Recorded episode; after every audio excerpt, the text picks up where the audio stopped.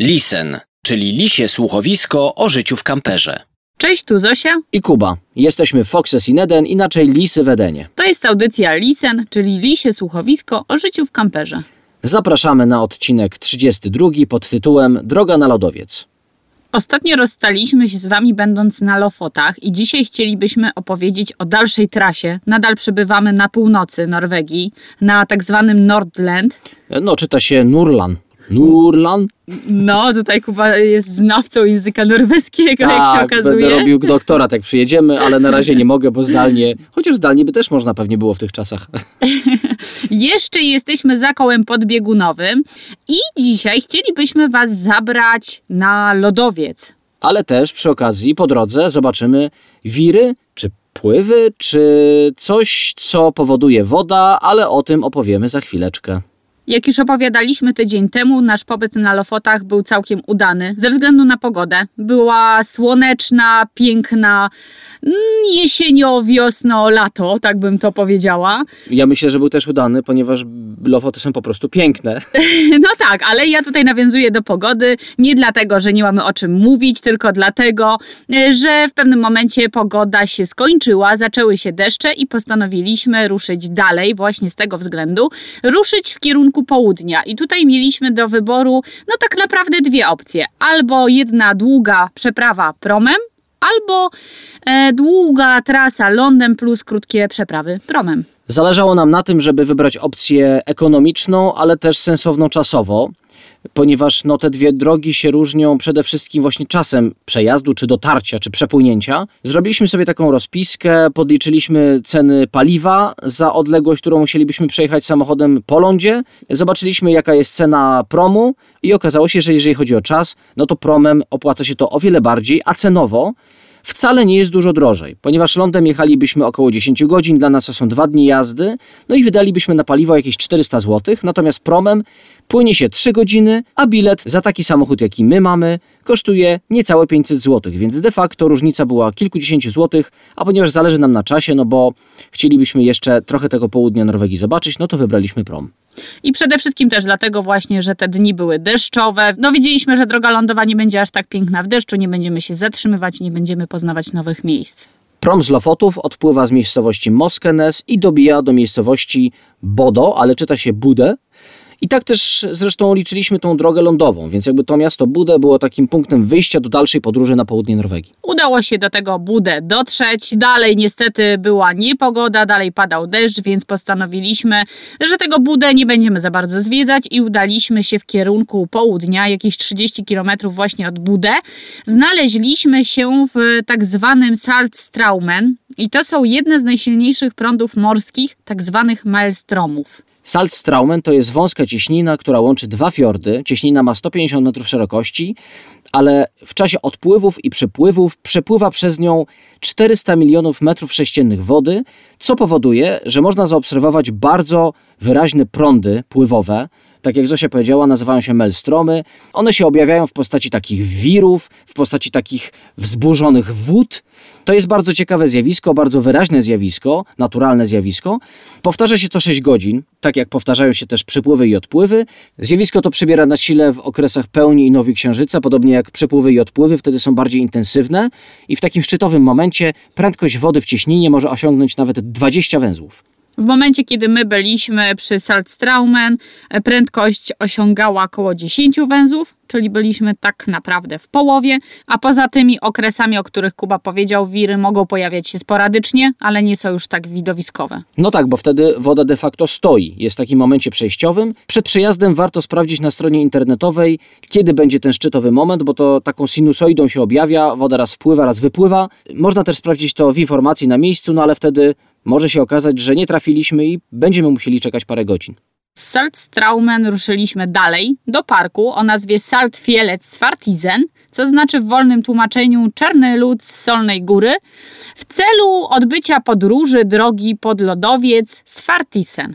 Za cel wybraliśmy sobie jęzor, tak się nazywa jęzor lodowca Engenbren. Jest to dość dostępny, chyba najbardziej dostępny taki Najbardziej popularny. Tak, popularny fragment tego lodowca, co nie zmienia faktu, że żeby w ogóle zacząć wędrówkę pod lodowiec, musieliśmy najpierw przypłynąć promem. no taką łodzią. Niestety nie możemy już kamperem bezpośrednio podjechać sobie pod szlak i rozpocząć wędrówki.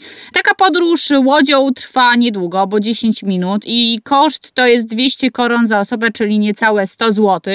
W dwie strony już. Tak, y, i można sobie wrócić, właściwie można sobie popłynąć i wrócić kiedy się chce. To jest taki jakby bilet dzienny, można powiedzieć, więc to jest bardzo wygodne, bo jeżeli na przykład nam się wędrówka wydłuży, jeżeli na przykład będziemy chcieli później wrócić, no to możemy sobie bez problemu na przykład wybrać ostatni kurs, co my też zresztą zrobiliśmy. Po 10 minutach płynięcia promem, łódką, łodzią znajdujemy się w marinie, w takim małym porcie i z tego portu musimy przejść jeszcze trochę ponad 5 kilometrów. E, ścieżką dość spokojną, prostą, nie ma za dużo wzniesień na początku. Ale są bardzo ładne widoki, idziemy wzdłuż jeziora przez dużą część czasu, a w tle cały czas majaczy nam ten lodowiec, oczywiście góry, więc nam się trafiła też piękna pogoda, więc bardzo przyjemny spacer. Jeżeli komuś się nie chce chodzić, to w tym porcie można wypożyczyć rower. Na 3 godziny to jest koszt za osobę 70 koron, czyli około 40 zł. No tak, ale tym rowerem nie dojedziemy pod sam lodowiec, bo druga część drogi, ostatnia jedna trzecia, no generalnie rzecz biorąc na końcu musimy się zacząć wspinać po takich skałkach, takich obłych górach. To nie jest trudna droga, ale no już jest y, taka bardziej wymagająca, trzeba troszeczkę bardziej podnosić nogi.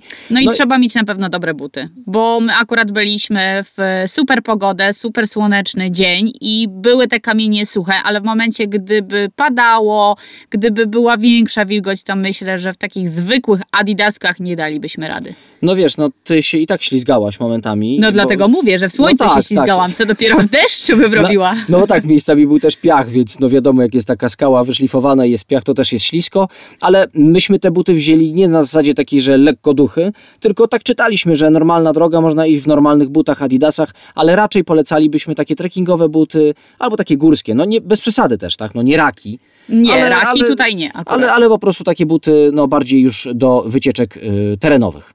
Co mi się spodobało już na tym szlaku po tych obłych kamieniach? No na pewno to, że zaczęliśmy widzieć wodę, wodospady, ogrom tej wody i po pierwsze szum jakoś mnie tak uspokajał, po drugi ten widok, no niesamowity. Niektóre wodospady wypływały wprost z lodowca e, i to były naprawdę duże ilości wody. E, Myślę, że ciężko byłoby się pod taką rzeką, takim wodospadem na przykład wykąpać, bo mogłoby człowieka zmieść. Co zresztą wykorzystują Norwegowie, może nie do zmiatania ludzi, ale do tego, żeby zasilić elektrownie wodne, bo dużo z tych potoków właśnie wpada do wodnych elektrowni, no i wytwarza Norwegom prąd.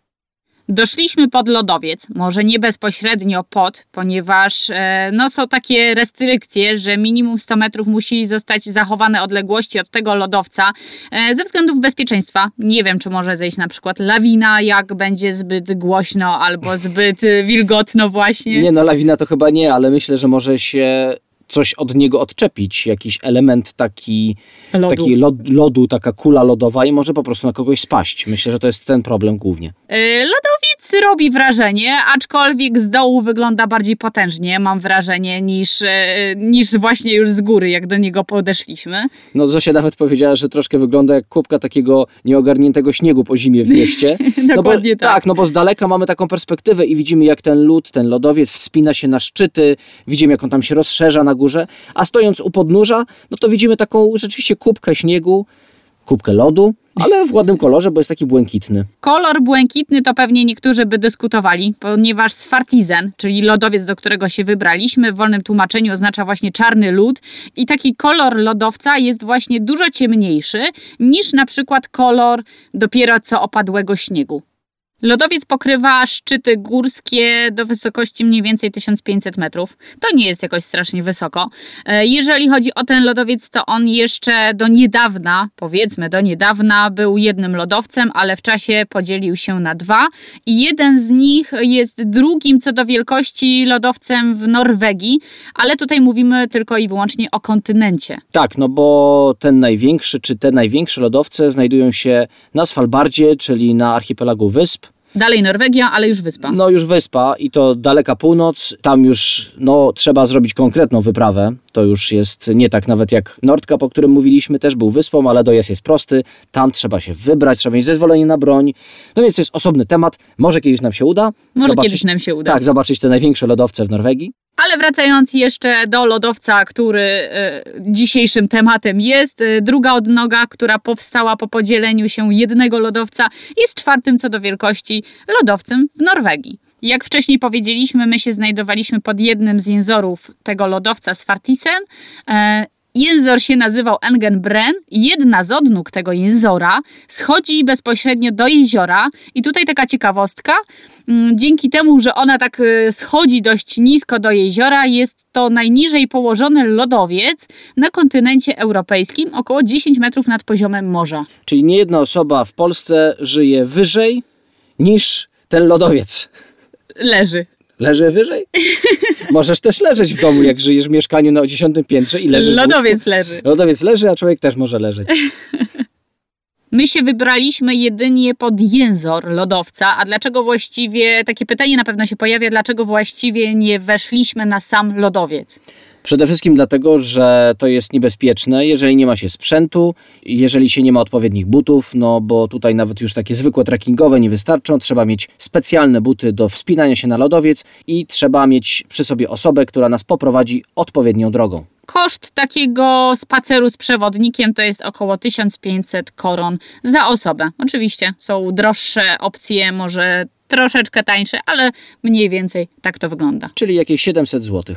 My tak się zapatrzyliśmy na widoki i na lodowiec, na jęzor, że wróciliśmy do przystani na ostatni prom. No, spóźniliśmy się na przedostatni, dosłownie 8 minut. No 8 minut, ale tam na szczęście na tej przystani jest taka kawiarenka, knajpka, więc za strasznie duże pieniądze można napić się wody, jak ktoś nie ma ze sobą, albo na przykład piwa bezalkoholowego.